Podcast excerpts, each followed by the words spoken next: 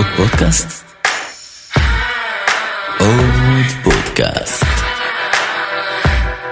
עוד פודקאסט לסטארט-אפים.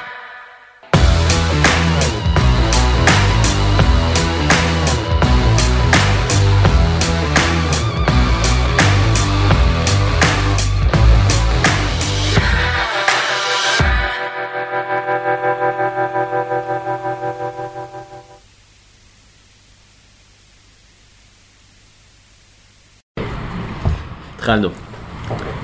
אהלן, לוס שרון. מעניינים. אהלן, איזה כיף שאתם פה.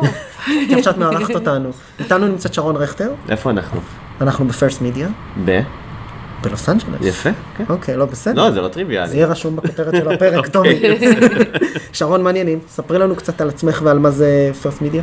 וואי, איזה כיף שאתם פה, אה, באמת בלוס אנג'לס, וגם באופן מפתיע קיבלתם יום נורא יפה בלוס אנג'לס, מה שלא קורה אף פעם, אז אה, אה, קורה כל יום.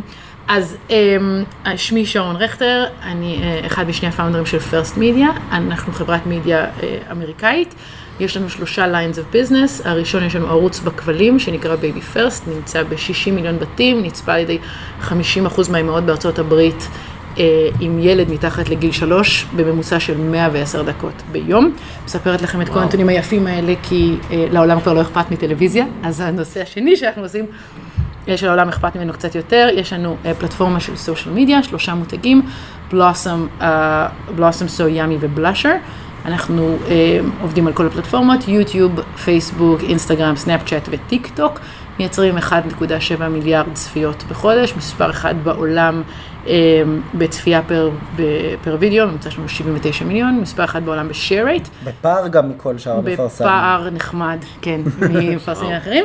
אה, וה line ה business השלישי שלנו שהתחיל בתור אה, ניסוי לראות האם אנחנו מסוגלים לבנות מכונה שבעצם בונה audience ואחרי זה דוחפת אותם to take action, הוא JV שיש לנו עם זומבה, שהם fitness brand מאוד מאוד גדול. אה, שיצרנו ביחד אה, קורסים של mommy and me לאימהות וילדים, מבוססי תוכן של זומבה ו BabyFirst, ערוץ הכבלים שלנו. שיווקנו את זה רק על הפלטפורמה שלנו, והצלחנו אה, בשנה וחצי של פעילות, יש לנו היום 700 לוקיישנים עם 3,000 מדריכים. אז בסך הכל יש לנו סוג של מכונת שיווק, אם תרצו, שמגיעה לנשים בארצות הברית, אנחנו מגיעים ל-71% מהנשים בארצות הברית.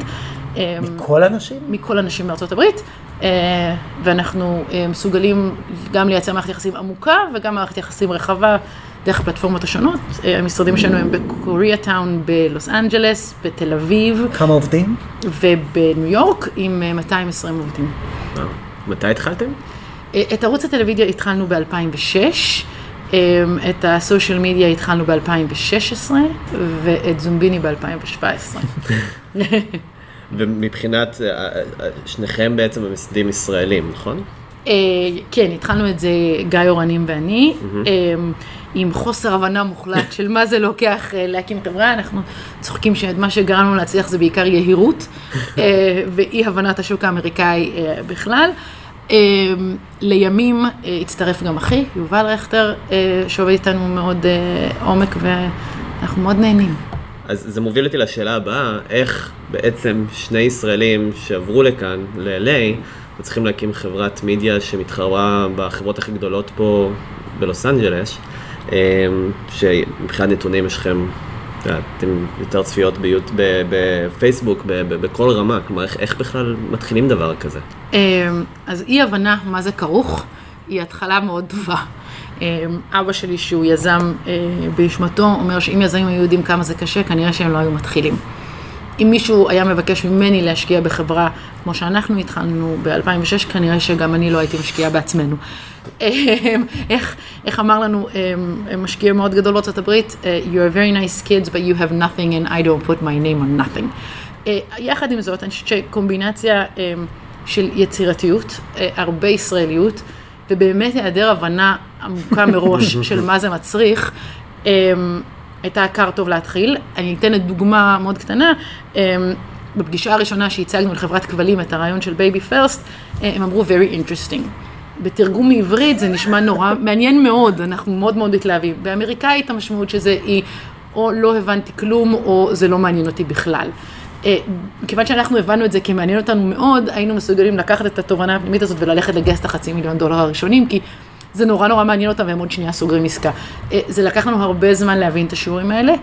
אה, זאת אומרת, רק כדי להבין. הבנתם לא נכון, כי משקיע פוטנציאל אמר לכם את זה הבנו לא נכון, לא משקיע, לא משקיע, שותף. אוקיי, והלכתם, שותף פוטנציאלי, חברת והלכתם. לגופים אחרים ואמרתם, הם אמרו שזה מאוד מעניין הם אותם. אמרו שזה זה היה שותף פוטנציאלי, חברת כבלים שהייתה צריכה לעשות איתנו עסקה, לקחת את הערוץ שלנו, הם אמרו very interesting. אנחנו הנחנו שהמשמעות שזה היא very interested, מה שאומר תהיה עסקה תוך שלושה ארבעה חודשים. עם זה הלכנו וגייסנו כסף. אמ, זה זה לקח אה, שנה וחצי, לא שלושה ארבעה חודשים, אבל אבל בסוף זה קרה. ואיך נראים החודשים שהראשונים בעצם של להגיע בעצם לעיר וארץ זרה עם תרבות שונה, לבנות חברה בתעשייה שאתם לא מכירים ובאמת לעבוד עם שחקני ענק, זאת אומרת, איך, איך מנהלים את כל, אה, את כל החתיכות האלה בפאזל כשיש כל כך הרבה משתנים בלתי ידועים? אז היום כלל... סליחה שאני קוטע, זה גם נכון, זאת אומרת, שנייה ברמה הפילוסופית, גם ברמת הביזנס, לאו דווקא למדיה, אלא לכל יזם הרי מן הסתם שמגיע לשוק האמריקאי בסוף. אז המודל של גיא ושלי היה אמ, לבזבז מינימום כסף אמ, ולהגיע למקסימום תוצאות במינימום כסף. אז לדוגמה, כשאתה משיק ערוץ כבלים, העלות הכי גדולה שלך היא תוכן. אה, חברת הכבלים רוצה, אה, לוקח לה הרבה זמן לסגור עסקה, אבל בדקה שהיא סוגרת עסקה, היא רוצה שהערוץ יעלה למחרת. אה, איך אתה עושה את זה כשגייסת מאוד מעט כסף, או כשמשקיעים לא מוכנים לתת לך כסף. המודל שלנו היה לי- לייצר אה, development של הרבה מאוד סדרות, אבל לא להפיק אותם, או לעשות משהו שבזמנו לא נעשה לקנות אופציות על תוכן. אז שילמנו חמישה אחוז בשביל הזכות אה, לקנות את התוכן בהמשך בסכום מלא די מהר. ועל ידי זה הצלחנו למשוך את המעט כסף שהיה לנו, יחסית הרבה זמן, ויחד עם זאת לעלות ערוץ תוך שלושה חודשים, which אני חושבת ש- has rarely been done before. אמ, אבל uh, היו הרבה מאוד תובנות שלוקח זמן בהתחלה להבין אותם, uh, ואיך לשחק את המשחק. אז אחד הדברים שהבנו הוא שהיינו זרים. היום אה, יותר קל, אה, אולי ו cool אפילו, להיות ישראלי. יש תדמית נהדרת של ישראלים בארצות הברית ובעולם בכלל. בתקופתנו קצת פחות, והיינו זרים. והבנו אחרי בערך שלושה חודשים שכזרים שמנסים למכור לחברות הכי מיינסטרים בארצות הברית, לא, לא סומכים עלינו. אז אחד הדברים שעשינו היה לקחת אדם שהיה וטרן של האינדסטרי, לא מישהו פעיל היום, כי זה היה מאוד יקר שלא יכולנו להרשות, אבל מישהו שפרש לפני חמש שנים, אה, ולהזמין אותו איתנו לפגישות, ולשלם לו על זה. והמטרה של האדם הזה הייתה לייצר נינוחות בחדר. לדבר על מי יש לו אה, ילד בקולג' ומי ניצח במשחק בייסבול, אני כבר פה 14 שנה לא יודעת מה זה בייסבול, בכלל לא מבינה איך זה ספורט כי לא רצים, ולייצר נינוחות. ורק ברגע שראינו שהצד השני אה, נרגע ויושב בנינוחות בכיסאו, אז אה, גיא ואני התחלנו לדבר. וראינו מיד אה, שינוי מאוד גדול. גם הבנו שהרבה פעמים אתה חושב שמקבל ההחלטה בחדר, הוא מקבל החלטה ובפועל הוא לא. או שאנשים צריכים המון approval מסביב. כשאתה עובד עם אנשים בחברות מאוד גדולות, בדרך כלל אתה לא עובד עם מנכ"ל החברה. אתה עובד עם אנשים medium size level, יותר קל להם להגיד לא מכן לשו- לכל רעיון חדש. הדרך לעזור להם להגיד כן, היא לייצר להם תחושה שאף אחד מסביב לא יכעס ולא יעניש אותם אם הם יגידו כן. זה מאוד מאוד שונה מהתרבות הישראלית שבה כל אה, מנהל בדרך כלל רוצה להיות כוכב. התרבות האמריקאית היא קצת אחרת, הם מעדיפים לא לעשות טעויות. אה, אם אתה מבין... את שלא התוב- יפטרו אותם. כדי שלא יפטרו אותם. אם אתה מבין את התובנה הזאת, אז אתה מבין שפגישה אחת היא חסרת משמעות. אתה צריך לייצר ecosystem שלם מול הבן אדם שאתה נפגש איתו, לקבל החלטה כדי להעמיד אותו במקום שההחלטה היא אה, עם upside בשבילו, אבל עם מינימום סיכון. איך זה פוגש אותנו ישראלים, העניין הזה של small talk, מה, ש, מה שאת מדברת? כלומר, אנחנו צריכים לחשוב על דרך יותר חכמה לנהל שיחה, או שפה אין יותר מדי דברים משותפים, נגיד בישראל, אז אה, כל, כל בן אדם כנראה היה איתך בצבא באיזה, ש, באיזה מובן, או שיש יותר נושא שיחה, כלומר, איך, איפה זה פוגש את הישראלות? אה, אני חושבת שקודם כל בגלל שהם לא היו איתנו בצבא, אה, אז הנושא הזה, אה, יש כאלה שיאהבו אותו ויש כאלה שלא יאהבו אותו. אז כן. it's a risky topic, politics זה גם risky topic. אחד הדברים שאני חושבת שאנחנו עושים מעט, זה עבודת הכנה לאנשים שאנחנו נפגשים איתם. ויש בזה המון ערך. אני, לפני כל פגישה חשובה, עדיין יושבת ולומדת את הבן אדם. איזה charities מעניינים אותו. איפה הוא למד בבית ספר. אה, אם מישהו אוסף נעליים, אז, אה, וזה קורה, אני מניח שזו דוגמה קונקרטית. כן, כן, כן, אם, אם יש אקזקטיבית בחירה שאני יודעת שיש לה אוסף נעליים, אז אני מאוד מקפידה על הנעליים שאיתם אני באה לפגישה, כי אני יודעת שהיא תשים לב, אני לא אדבר עליהם. כן. אבל אני אבוא עם נעליים שאני יודעת שהיא כי את. לא רוצה לצאת קריפית מדי, להשתמש במידע אני לא הזה. אגיד, לא, כן. אני, לא, אבל אני אכין את עצמי לפגישה, אה, גם בנושא השיחה, וגם בכל מה שאני אביא איתי. אה, אם אני יודעת שמישהו הוא אה, חבר איתי באותו אורגניזיישן, אה, אני אדע להניח מחברת על השולחן שהיא רלוונטית.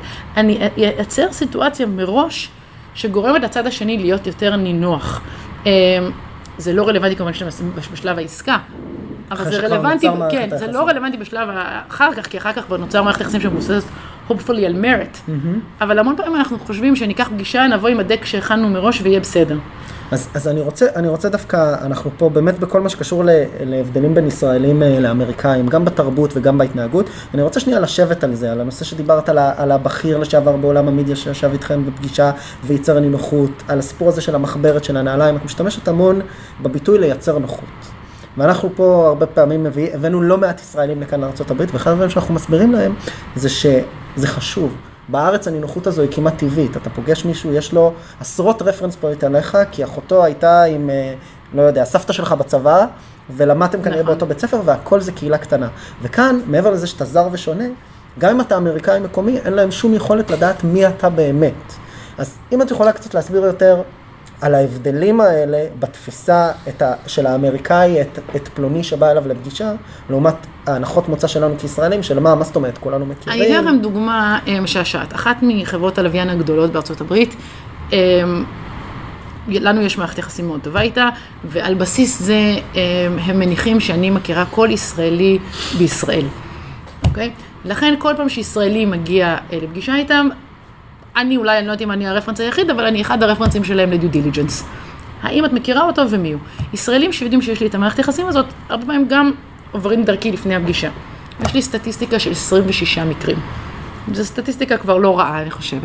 Uh, באופן עקרוני, כשהפגישה מסתיימת, uh, הישראלי יגיד, הייתה פגישה מצוינת, יגיד לך. יגיד לי אחר כך, זה הניתוח שלו של הפגישה, הייתה פגישה מצוינת, הסברתי להם מה צריך לעשות, הם מאוד התלהבו, תהיה עסקה.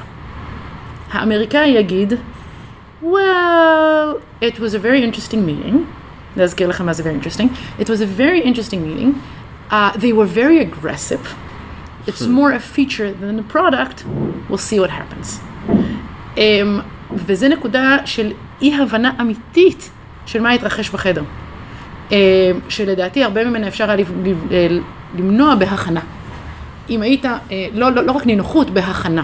בהבנה מי הבן אדם שיושב מולך, מה מניע אותו ומה יגרום לו אה, גם ברמה האישית וגם ברמה של החברה והפריוריטי של החברה לסגור עסקה.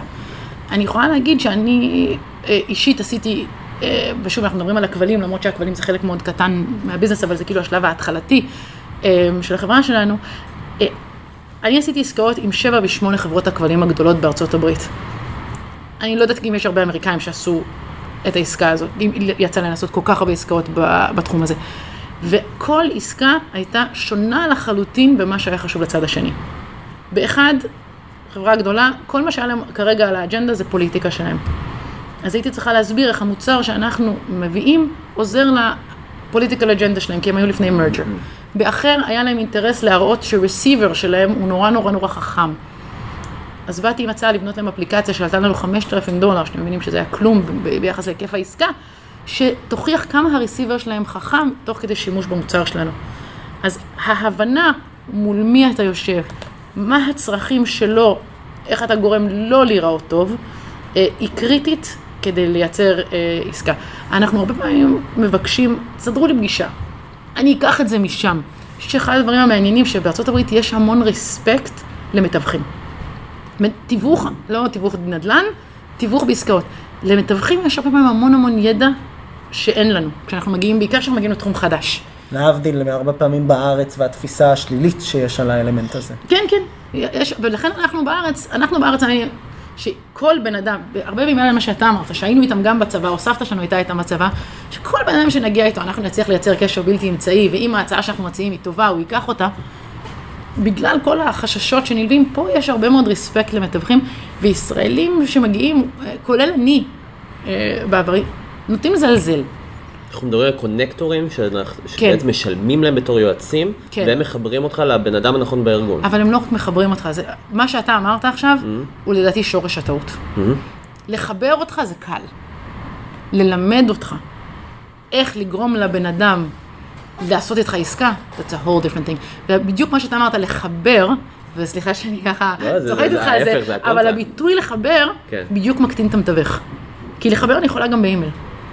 לחבר לא צריך. זה אינטליג'נס מאחורי החיבור. אני. מאמינה שרוב הישראלים אה, מאוד אסרטיביים וחכמים שהם יכולים להגיע לכל פגישה שהם רוצים.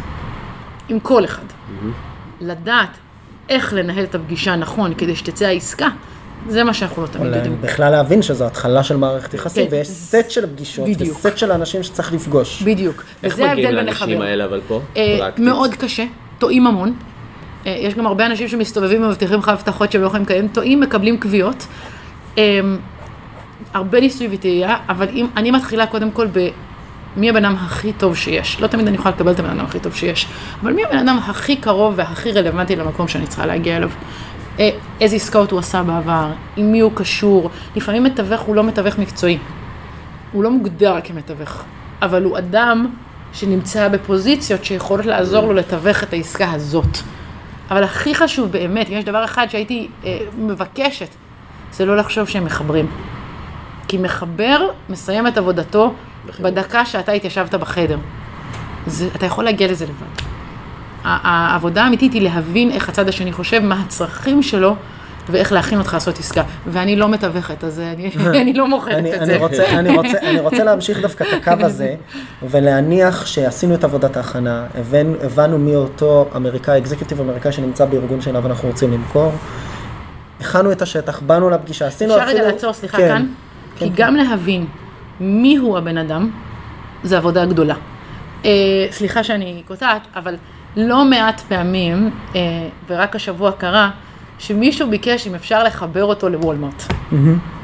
בוולמרט עובדים... חברה שתי- קטנה, סך הכל. בוולמרט עובדים 2.3 אנשים אה, אה, בארצות הברית. 2.3 מיליון. מיליון. מיליון אנשים. אנשים בארצות הברית עובדים בוולמרט. לנו יש מערכת יחסים מאוד אה, קרובה וטובה עם וולמרט. אבל כשמישהו בא אליי ואומר, אה, אני רוצה להיפגש עם וולמרט, לא יצא מהבקשה הזאת כלום. בגלל שמה זה, מי אתה רוצה להיפגש בוולמרט? אז העבודה היא גם לדעת עם מי אתה רוצה להיפגש ולא רק עם וולמרט. אם that makes sense, סליחה. ואיך אני יודע את מי אני רוצה לפגוש, או את מי את, את מכירה שאני יכול לפגוש? אל תתחיל עם מי שאני מכירה, תתחיל עם מי אתה רוצה. תתחיל ממי האיש, לדעת, ואתה תטעה. וזה בסדר שתטעה, אבל אם תהיה מספיק קרוב, אז הבן אדם הזה יחבר אותך בארגון. אתה תטעה, כי אתה לא תבין לעומק את וולמרט. אבל, אה, ווולמרט רק כדוגמה. אבל תתחיל מלעשות את, את העבודה שלך, גם כשאתה מבקש ממישהו עזרה, וזה נורא חשוב, כי אנחנו נורא, כישראלים אנחנו נורא אוהבים גם לעזור, וגם מרגישים נורא נוח להיעזר. אבל תתחיל מעתה לחפש, אה, חיפוש רגיל באינטרנט. מי הבן אדם שאחראי, דרך לינקדאין, מה הוא עשה, עם מי הוא מחובר. ואז תגיד, אני רוצה להיפגש עם אקס, יכול להיות שאני, אני לך, אני לא מכירה, אבל יכול להיות שאפשר לחשוב ביחד מי כן מכיר, ולהגיע. אני מעדיפה תמיד to aim high, וללכת גם ביועצים וגם באקזיב שאני עושה, לבן אדם שאני חושבת שהוא הכי טוב, ואחר כך משם לרדת למי שאפשר. ברור. אני, אני רוצה בהמשך לזה אה, רק אה, to follow up על התהליך יותר. נניח וכבר עשינו את המחקר, עשינו פנייה ראויה, הגענו לפגישה, ניהלנו אותה כמו שצריך והתחלנו איזושהי מערכת יחסים עם הארגון. אם את יכולה לשתף קצת בניסיון שלכם, בטח בתעשיית המדיה זה רלוונטי, אבל גם לדעתנו ומניסיון שלנו בכל תעשייה אחרת, על איך נראה התהליך. כי התהליך הרבה פעמים בתפיסה הישראלית, את זרקת על זה בתחילת, ה, בתחילת הרעיון, הוא לוקח יותר זמן מכפי שאנחנו מתארים. אז אה, כל סטארט-אפיסט יגיד שכל תהליך עולה יותר כסף ולוקח יותר זמן ממה שחושבים. אוקיי. אמ, זה גיוון, אה, זה צריך להיות פקטור לביזנסמן, שזה לוקח יותר זמן. אה, אני חושבת שאחד הדברים שחשוב לזכור זה בסוף אתה עושה עסקים עם אנשים. אמ, וצריך לבנות מערכות עם יחסים עם האנשים מתוך ידיעה שזה לוקח זמן, אה, ועדיף לא לפנות אליהם רק כשצריך. אמ, ולייצר מערכת יחסים עם אנשים. כל עסקה היא תהליך אחר. העבודה האמיתית היא כל הזמן לנסות להבין מה לא אומרים לך. אמ, כי אף אחד לא רוצה להגיד לך את הדברים הרעים. מה לא אומרים לך ואיך אתה יכול להשתפר. איך אתה מוצא פתרונות, אגב, לא מהר מדי. אה, עצת הזהב שאני קיבלתי פעם מאקזקיוטיב, ואני חושבת שאולי עוד ישראלים אה, חוטאים בזה, היא שמישהו אמר לי באמצע משא ומתן, את חושבת מהר מדי. את נותנת פתרונות מהר מדי, זה גורם לי להרגיש שאני מאבד שליטה על המשא ומתן. אני חושבת שהרבה ישראלים, אנחנו רגילים, בגלל שאנחנו נורא נורא טובים בלמצוא פתרונות, אנחנו מוצ... קוטעים אותם ומוצאים, נותנים להם פתרון לפני שהם לגמרי עיכלו את הבעיה, ואז they become defensive. אמ, אז אני אישית למדתי להאט. אמריקאי אמר לך את זה? כן, כן, יפה. וזה היה מאוד יפה, זו הייתה עצה מאוד חברית. אה, שוב, כי כבר הייתה מערכת יחסים. אה, את גורמת לי להרגיש שאני מאבד שליטה על התהליך, אני מציע לך להאט. ואני לקחתי את זה אה, מאוד לתשומת ליבי, והרבה פעמים אני, גם כשאני חושבת שאני יודעת את הפתרון, וביידו, לפעמים אני גם לא כל כך יודעת את הפתרון, אני רק חושבת שאני יודעת את הפתרון, אה, להגיד, אוקיי, it's really valid point, let me think about it and get back to you. כדי לתת לבן אדם בצד השני את התחושה שהקונצרן שלו באמת מאוד חשוב, זאת אומרת, וזה יש לא פה פשוט. גם אלמנט רגשי בעצם. הרבה פעמים, או בעיקר ניהול הרגשות ותחושות של אנשים. תחושת ניח... חוזרים לתחושת הנוחות. at the end of the day כולנו אנשים, נכון? אמ, וכולם רוצים לעשות עסקים עם אנשים, אה, א', שנעים לנו, בעיקר ככל שאנחנו מתבגרים, אה, שא', שנעים לנו שהעסקה נעימה, וב', שבעיקר באקזקייטיב אמריקאי, שאתה לא תשלם על זה מחיר אחר כך. אז אנשים צריכים להיות מאוד נינוחים. אה, לנו יש מזל שהבורד שלנו הוא, והמשקיעים שלנו הם משקיעים מאוד אסטרטגיים כולם, וכולם עזרו לנו המון.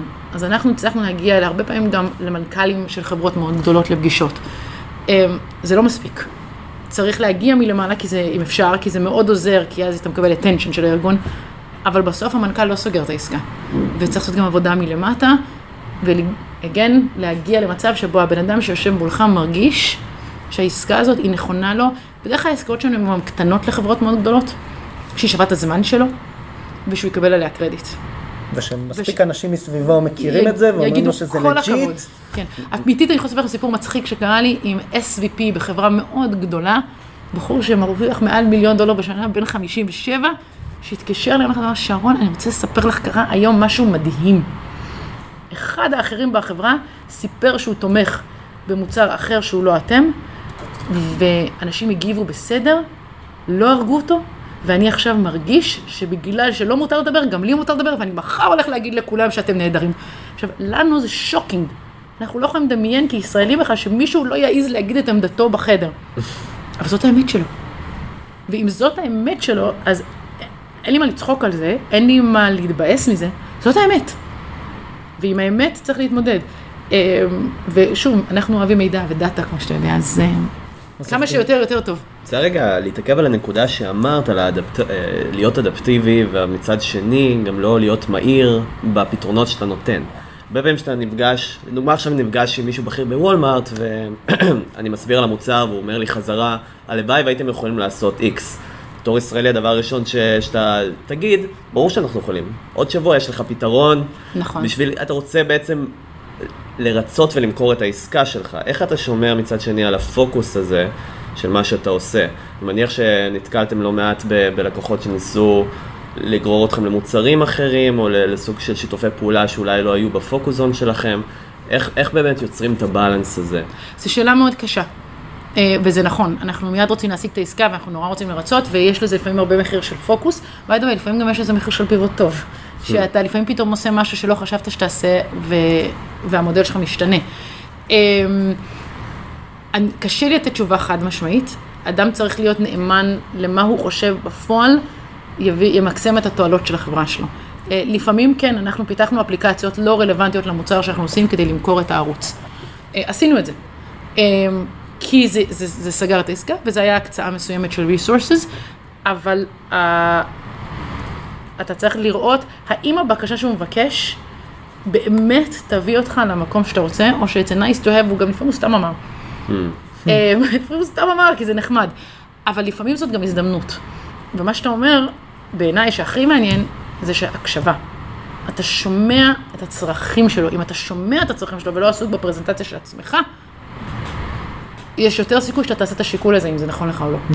ובהקשר הזה באמת דיברנו על שינויים, אני חושב שזו נקודה שעלתה גם אה, ככה כשקשקשנו במסדרון קודם. אתם בסופו של דבר התחלתם, אני שנייה מפשט, בסדר, תסלחי לי על הפשטנות, כחברת טלוויזיה, חברת אה, מדיה ותוכן. ובשלב מסוים היום עברתם להיות חברת אינטרנט למעשה, נכון. בסדר? הערוצי, הערוצים הם social media, אבל זה נכון. חברת אינטרנט, זה חברת marketing, זה חברת performance גם במובנים מסוימים. איך, איך עושים את השינוי הזה? איך זה, זה, זה עולם אחר. זה אז- נראה דומה, אבל זה אז לא. החדשות הטובות, הן שאנחנו כישראלים נורא טובים בזה. אוקיי. אה, אנחנו נורא טובים ב-adjusting to changing circumstances. אה, להתאים את עצמנו לשווקים משתנים, אה, ובכלל לשינויים שקורים ללקוחות שלנו. אנחנו באמת, אנחנו מאוד מאוד טובים בזה, אנחנו מאוד מהירים, ובדרך כלל בגלל שבסיס ההוצאות שלנו יותר נמוך משל חברות אמריקאיות, אנחנו גם יכולים לעשות את זה יחסית מהר. ובעיניי זה הבסיס לכל הצלחה. אנחנו עשינו שינויים המון פעמים. אז אני, אני אעצור, אני אשאל את זה טיפה יותר בישראליות. מתי זיהיתם ששוק הטלוויזיה זה לא שוק שצריך להתמקד אליו, אוקיי. ואיך מזהים את השוק החם אז הבא? אני יכולה להגיד את היום המדויק. אוקיי. אבל באפריל 2016, בוב איי, אנחנו בדיוק הגענו ל-60 מיליון בתים. שבעולם הטלוויזיה זה ה-holy grail. אתה כבר נחשב ערוץ שיכול אה, להיות sustainable, השוק מסתכל עליך כערוץ. אה, מעל 50. ואז בוב אייגר, מנכ"ל דיסני, אה, עלה לשידור בטלוויזיה ואמר, owning a TV network sucks. אה, ודיסני, מניות דיסני ירדו 40 אחוז, ויאקום ירדו 40 אחוז, ו overnight היה נורא לא cool to own a cable network, היית נראה נורא מיושן וזקן. אה, ואנחנו אמרנו, אוקיי, דפקנו פה קצת, שמנו את כל השני, עשר שנים מהחיים שלנו לבנות את הדבר הזה, שפתאום לא שווה כלום. אה, והוא לא לא שווה כלום, אבל. ואז עשינו אה, soul searching אמיתי, מה ה asset הכי גדול שיש לנו. והגענו למסקנה שהדבר הכי חזק שיש לנו, זה שהקהל שלנו נורא אוהב אותנו ונורא סומך עלינו.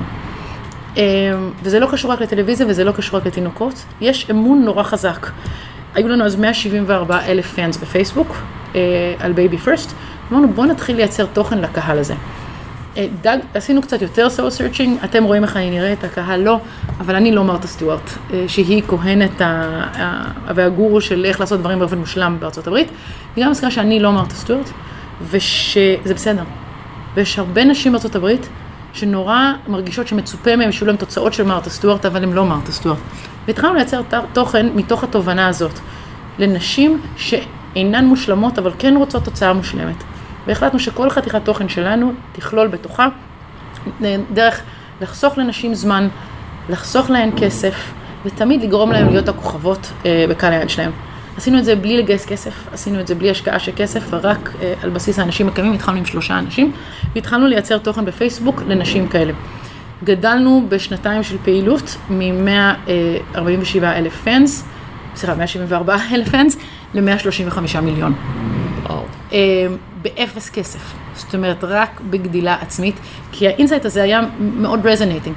עכשיו, ששנייה אני סתם למאזינים, זה לא בשביל, זה, למי שלא מבין, זה לא ברמת הגידול, אבל מה שעשיתם זה בעצם סרטונים, סרטוני do it yourself, וסרטוני בישולים, וסרטוני כן. טריקים לסידור הארון. כן, סרטוני. האקים. זה מה שהיה. סרטוני האקים. אוקיי. שעשינו, התחלנו משלושה אנשים, היום עושים את זה בערך 180 איש, אה, והכל, אה, כשהמודל שלנו היה, מכיוון שאנחנו לא מגייסים כרגע, לא גייסנו כסף, שהכל צריך להיות רווחי. אה, שביידו יש חברות שעובדות ככה, יש חברות שלא עובדות ככה, אנחנו תמיד אהבנו שהכל רווחי. אה, וכשאומרים את זה, זה נשמע נורא נחמד, אבל המשמעות של זה, היא, של to adjust to change, היא מיד לשנות את האלוקיישן של ה-resources שלך. לא רק של הכסף שלך ואת כוח האדם שלך, גם של המוח של היזם. תשומת הלב. כן, היזם, אני הפסקתי לחשוב על קייבל דיוס. עכשיו, זה מה שעשיתי עשר שנים. הפסקנו באופן הדרגתי לחשוב על קייבל דיוס. אה, והיה לי את הכיף של להגיע לפגישות עם קייבלס ולדעת שזה לא כל כך נורא, זה מעניין איך זה ילך, אבל זה לא כל כך נורא, כי הפוקוס שלנו הוא אחר. ולהיות מסוגל אמיתית לקום בבוקר, וכל יזם אה, לא ישן בלילה, אז לקום בבוקר אחרי שלא ישנת בלילה, אה, ולחשוב אחרת לגמרי, ולהבין שמה שהיה איננו. העולם השתנה. לא חשוב. הוא לא חשוב, לא גם מה פחות עשו חשוב. לי, לא, גם לא מה עשו לי, גם לא מה לקחו לי, אני מדברת, היו לנו הרבה שינויים במהלך החיים פה, לא מה עשו לי, לא מה לקחו לי, לא מה מגיע לי, לא מה כמעט קיבלתי. זה המצב עכשיו, העולם השתנה. זה קרה לנו עוד פעם לפני שנתיים כשפייסבוק שינתה את האלגוריתם, אה, והרבה מהחברות בתחום שלנו אה, פשטו את הרגל. ואנחנו הצלחנו בתוך חודש להבין מה ההגדרות החדשות של האלגוריתם, ומיד לשנות. עכשיו, זה פיבוט כבר של הרבה אנשים בצורת התוכן. יצא טוב שהיינו כבר, גם, גם אז תוכן, הם, פייסבוק רצו meaningful engagement, והתוכן שלנו מראש היה meaningful, אבל עדיין, צריך היה להשתנות מהר. אה, אבא שלי אה, עשה קורס מצילים בים בצעירותו, והוא סיפר לי שאי אפשר לצאת ממערבולת. אם אתה בטעות בים נכנס למערבולת, המערבולת תטביע אותך. There's no way אתה יכול להילחם, אתה לא יותר חזק. צריך לתת לזה זה. ולצאת מלמטה. בדיוק. לא ככל. שתילחם אתה תטבע. הדרך היחידה לצאת ממערבולת היא לסחוט איתה ולצאת מהצד. אה, אני חושבת שזו אנלוגיה נורא טובה. כי אתה, אמ, כשקורה שינוי, שלפעמים הוא קשור אלינו, לפעמים הוא קשור לעולם, אה, ולפעמים מישהו עשה לך אותו. אתה אמ, צריך לדעת מיד, זה מה שקרה, ואיך אני עושה אני רוצה פיבוט. להוסיף אבל עוד אלמנט לאנלוגיה שנתת על המערבולת. אתם בעצם מובילים כאן ספינה, יש פה 200 עובדים, נכון. שבסוף לא משנה כמה אתם אדפטיביים בתור מייסדים, איך מניעים את כל העובדים האלה בשוק, בשוק כזה שבאמת, אה, אה, לא יודע כמה, כמה הוא רגיל לשינויים כאלה, את כל מה שהחברה עוברת, איך, איך העובדים מבחינה תרבותית, איך אתם דואגים שהשינויים האלה בסוף, אה, כן לייצר איזה ביטחון אה, לעובדים מהבחינה הזאת, כי זה גם משהו שהוא באמת מאתגר. אה, זו שאלה מצוינת, ויש אנשים שמסתגלים ויש אנשים שלא. אה, וגם בחלק זאת מהשינויים... אומרת, יש עובדים גם שמסתכלים, יש ויש עובדים עובדים שמסתגלים שלא. ויש עובדים שלא. יש עובדים שאנחנו סביבת עבודה שמתאימה להם, ויש עובדים שאנחנו לא. אנחנו צוחקים שאנשים עובדים פה או, אה, או פחות משנה או יותר מחמש. באמת. יש אנשים שאנחנו מתאימים להם ויש אנשים שאנחנו לא. אבל אני אגיד, וזה דבר, נקודה כואבת, שבפיבוטים לפעמים גם מפטרים. וזה קשה נורא לפטר אנשים. עם, כיזם, ואנשים שהולכים איתך, זה קשה נורא לפטר אנשים. זה כואב אמיתית, אתה יודע. אבל כיזם יש לך אחריות לקחת את החברה שלך לאן שאתה מאמין שצריך לקחת אותה. והמון חברות, כחלק, הקושי הגדול שלהם אה, לעשות אה, פיבוטים ושינויים כשצריך, הוא חוסר היכולת להוריד רגל בשביל להציל את הגוף. אני ככה מסתכלת על זה, כי זה באמת, זה כואב להוריד רגל. אבל לפעמים אתה צריך לדעת להוריד רגל כדי להציל את הגוף. ו... זה מה שקרה אצלכם בפיבוט בין העולם של, או בהסטת המשאבים ותשומת הלב בין העולם של הטלוויזיה לעולם של הסושיאל? זה קרה, כן. לא, אה, אז היינו חברה הרבה יותר קטנה מבחינת כוח אדם, אבל כן. אתה נאלצת לפטר אנשים, לא מיד, אבל כשהבנת שזה השינוי שאתה הולך אליו, כן. כי היו אנשים שהיו נורא נורא טובים במה שהם עשו בתחום אחד, ולא הצלחנו להתאים אותם ל- ל- ל- לעולם של סושיאל מדיה. החדשה. כן, לדוגמה אנשים של שיווק, שיודעים נורא טוב לשווק טלוויזיה, אבל לא יודעים נורא טוב לשווק סושיאל. ואין לך מה לעשות, וזה אנשים שאתה אוהב, וזה אנשים שהיו איתך שנים. אה, וזה חלק מהכאבים של להיות יזם, זה לקבל החלטות לא פופולריות וכואבות. מי שלא עושה אותם בזמן, शुक्रिया। אני רוצה לדבר קצת uh, במטה יותר, בזמן שנשאר לנו, עליכם כחברה שבעצם נמצאת בתווך מאוד מעניין בין עולמות של מדיה ועולמות של טכנולוגיה, היום בכלל, אבל גם כשהייתם רק ערוץ טלוויזיה. זה שתי, שנייה כאילו למאזינים, בסדר? כי בסוף לא היה לנו איזה פריקי מבוא לתעשיית המדיה. תעשיית המדיה היא תעשייה שונה. אנשים שם שונים, מתנהלים שם שונה, יש שם הרבה אגו והרבה כבוד, וזה עוד קופורט בסוף, שהוא גם, יש עליו את כל התחלואים של קופורט אמריקה שדיברנו עליהם, אז זה אחד. מצד שני יש את עולם הטכנולוגיה, שהוא חדשני יותר ופתוח יותר, בסטריאוטיפים, ולזוז מהר. איך עושים מיטיגציה לדבר הזה? איך עושים בסוף חברה שהיא אונליין ומוציאה תוכן וסרטונים ומקדמת אותם ועובדת עם ברנדים מתקדמים בעולם של האונליין, ומצד שני גם סוגרים עסקאות בעולמות המדיה ומנהלים ערוץ. סלי- אני בכוונה שם את זה כללי. מצוינת, אנחנו תמיד היינו קצת אאוטסיידרים. אנחנו האנשים שעושים טלוויזיה בלי שהיה להם ניסיון בטלוויזיה, ואנחנו האנשים שעושים social media בלי שהיה להם ניסיון ב social media, ואנחנו גם אנשים שעושים קורסים לאימהות וילדים בלי שאנחנו יודעים שום דבר על קורסים ואימהות וילדים. אה, אולי זה עוזר לנו. אה, אנחנו... להיות אאוטסיידר לתעשייה. אנחנו תמיד היינו אאוטסיידרים, אף פעם לא גדלנו בתוך תעשייה. לא גיא, לא יובל, לא אני. מעולם לא גדלנו בתוך תעשיות, ואנחנו כאילו, ואולי זה גם אפשר לנו להיות יצירתיים יותר ולעשות דברים אחרת מאיך שחונכו אנשים בתעשיות מסוימות לעשות. אמ, היום זה מאוד אינטגרייטד, כי at the end of the day, אמ, תוכן שנוצר לבייבי פרסט, הוא גם נמצא על יוטיוב, והוא גם אה, בסוף מגיע לכל מיני מקומות אחרים. אמ, ואנחנו מצליחים לחבר בין העולמות. אנחנו היום הרבה יותר מתקדמים אה, מבחינת אה, האנליזה שלנו והיכולת לנתח תוכן. נורא נורא חשוב, חלק ממה שעשינו, הסיבה שאנחנו מצליחים בסושיאל מדיה היא קומבינציה של art and science. כן, אנחנו אה, מניחים פאי 78 פעמים לפני שאנחנו מצלמים סרטון וידאו של אוכל, אבל אנחנו גם מנתחים את כל הדאטה מכל הסרטים שמישהו אי פעם עשה. על פאי, כדי לדעת באיזה שבריר שנייה נכון להניח את הפאי. אה, וזה המקום ש art של creators מתחבר אה, לדאטה ו science, שזה הכי כיף. זה בחמש שנים האחרונות התעשייה הזאת השתנתה כל כך, אה, גם מבחינת הסטרימינג והטכנולוגיות שבעצם מאפשרות אה, אה, חוויית צפייה אה, חדשות וכו', חוויות צפייה חדשות וכולי, שמסתכלת חמש שנים קדימה, אפילו עשר שנים קדימה. לאן את רואה את כל הדבר הזה של First Media אה, הולך? לאיזה כיוונים בטכנולוגיה שמשתנה וכמובן בשוק שהולך ונהיה יותר ויותר אה, דורש? אז, אז אני אגיד שאנחנו מסתכלים על המדיה בתור פלטפורמה. אנחנו לא מייצרים את ו-Desperate Housewives.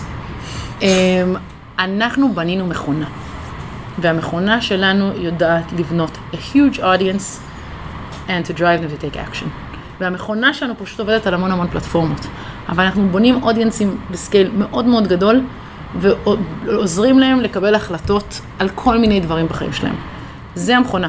היא עובדת גם בטלוויזיה, והיא תעבוד גם ב-OTT, והיא תעבוד אה, בפלטפורמות שימציאו, והיא אה, ועובדת גם בכל הסושיאל מדיה פלטפורמס. ולכן אני רואה אותנו הולכים וגדלים וגדלים, אה, גם במאס אודיאנס שלנו, וגם באפקטיביות שלנו שאנחנו מסוגלים לייצר למפרסמים ולשותפים. זאת אומרת, להמשיך לעבוד על עוד פלטפורמות, להמשיך לייצר פורמטים אחרים? אני חושבת שאנחנו נייצר עוד ורטיקלים שונים. היום אנחנו טובים מאוד באוכל, ב-art and craft, do it yourself, ביוטי והורות. אנחנו שזה גם לא נייצר... היה ככה בהתחלה, בהתחלה היה ושניים, שלושה ורטיקלים נכון. ספציפיים, היה בלאש, בלוסום, נכון. וכולי. עכשיו יש ברנדים חדשים. כן, אז אנחנו גם נרחיב את כמות הוורטיקלים, כי בסוף זה אבל אותו אודיאנס. ספק אם תמצאו אותנו עושים ערוץ על אופנועים. אמ, אבל אנחנו נרחיב את האודיאנס שלנו של אנשים, גם לעומק וגם לרוחב. אבל ההתמ... היכולת האמיתית שלנו, כשאתה מסתכל מעבר לתוכן, היא בזה, אנחנו היום אה, מספר אחד בכמה דברים בעולם, ובעיקר שאנחנו מייצרים תוכן שגורם לאנשים לעשות פעולה אחרי זה. וקליק כלומר, קליק של share, של קנייה. של קנייה. share זה נחמד, אוקיי. קנייה זה ממש יפה. שר של קנייה. share זה נחמד. אוקיי. אבל אם אתה מסוגל לגרום לאנשים, אם התוכן שלך באמת משפיע על אנשים לבצע פעולות, אה, that's the holy grail. ואם אתה חושב על זה במסה, אז זה משפיע, אתה, אתה, ב- ב- במסה שיש לנו, תיאורטית אתה יכול להסתכל על זה גם כמשפיע על אה, שינויים גדולים בעולם ה retail. כי אנחנו גורמים לאנשים אפילו לרצות מוצרים שהם לא ידעו שהם רוצים. לייצר אה, לייצר טרנדים. לייצר טרנדים ו intent. אמ, ולכן זה מאוד exciting. אני אגיד שהמון פונים אלינו עכשיו לקחת את המותגים, שזה לא היה התוכנית שלנו, אבל לקחת את המותגים ולייצר מוצרים בעולם האמיתי. שלכם. אה, שלנו, עם המותגים. אה, זה לא הייתה התוכנית, קצת כמו brand ים של כזה, brand ים של שופרסל, ואומר כאילו white label שלכם. לא של brand ים של שופרסל, אבל אם אתה לוקח נגיד אני מותג... לא- אה, כן, לא השוויתי. לא, לא, לא, אבל שופרסל הוא ה retail, לכן נכון. לא דומה. אה, במובן שאם אתה אוהב את So Yummy, ו-135 מיליון אנשים אוהבים את So Yummy, ועכשיו רק אתה תוכל למי לקנות... שלא מכיר, כי פעם ראשונה שאומרים את השם הזה, זה עמוד פייסבוק ו brand שאתם מנהלים. זה brand האוכל. שלנו, כן. אז מי שלוקח עכשיו 135 מיליון אנשים שאוהבים את So Yummy ו following So Yummy, אז יש לנו הצלחה גדולה לדוגמה בלמכור היום So Yummy cookbooks, אה, אז אתה יכול לדמיין שאפשר, יכול להיות שגם יהיה מעניין למכור מוצרים של So Yummy בסופר. אה, ערכות להכנת עוגות יום הולדת, אה, או כל מיני כאלה. אז יש הרבה עניין, אה, של גם כמו שראית מותגים. בסרטון כן, וכדומה. כן. יש הרבה עניין של אה, חברות היום to license את המותגים שלנו. אני לא חושבת שזה הקור שלנו, אבל זה נורא מעניין. אז אנחנו, אז אנחנו נעשה גם ניסויים בזה. ונעשה, ונצליח, וניכשל, וחלק, ויהיה כיף. שרון? איך היה? תודה רבה, היה כיף. גדול. תודה תבואו. שוב. בשוב החם. אה, כן, בשוב החם. כאילו, היה רע מאוד. תודה רבה, שרון. תודה. תודה.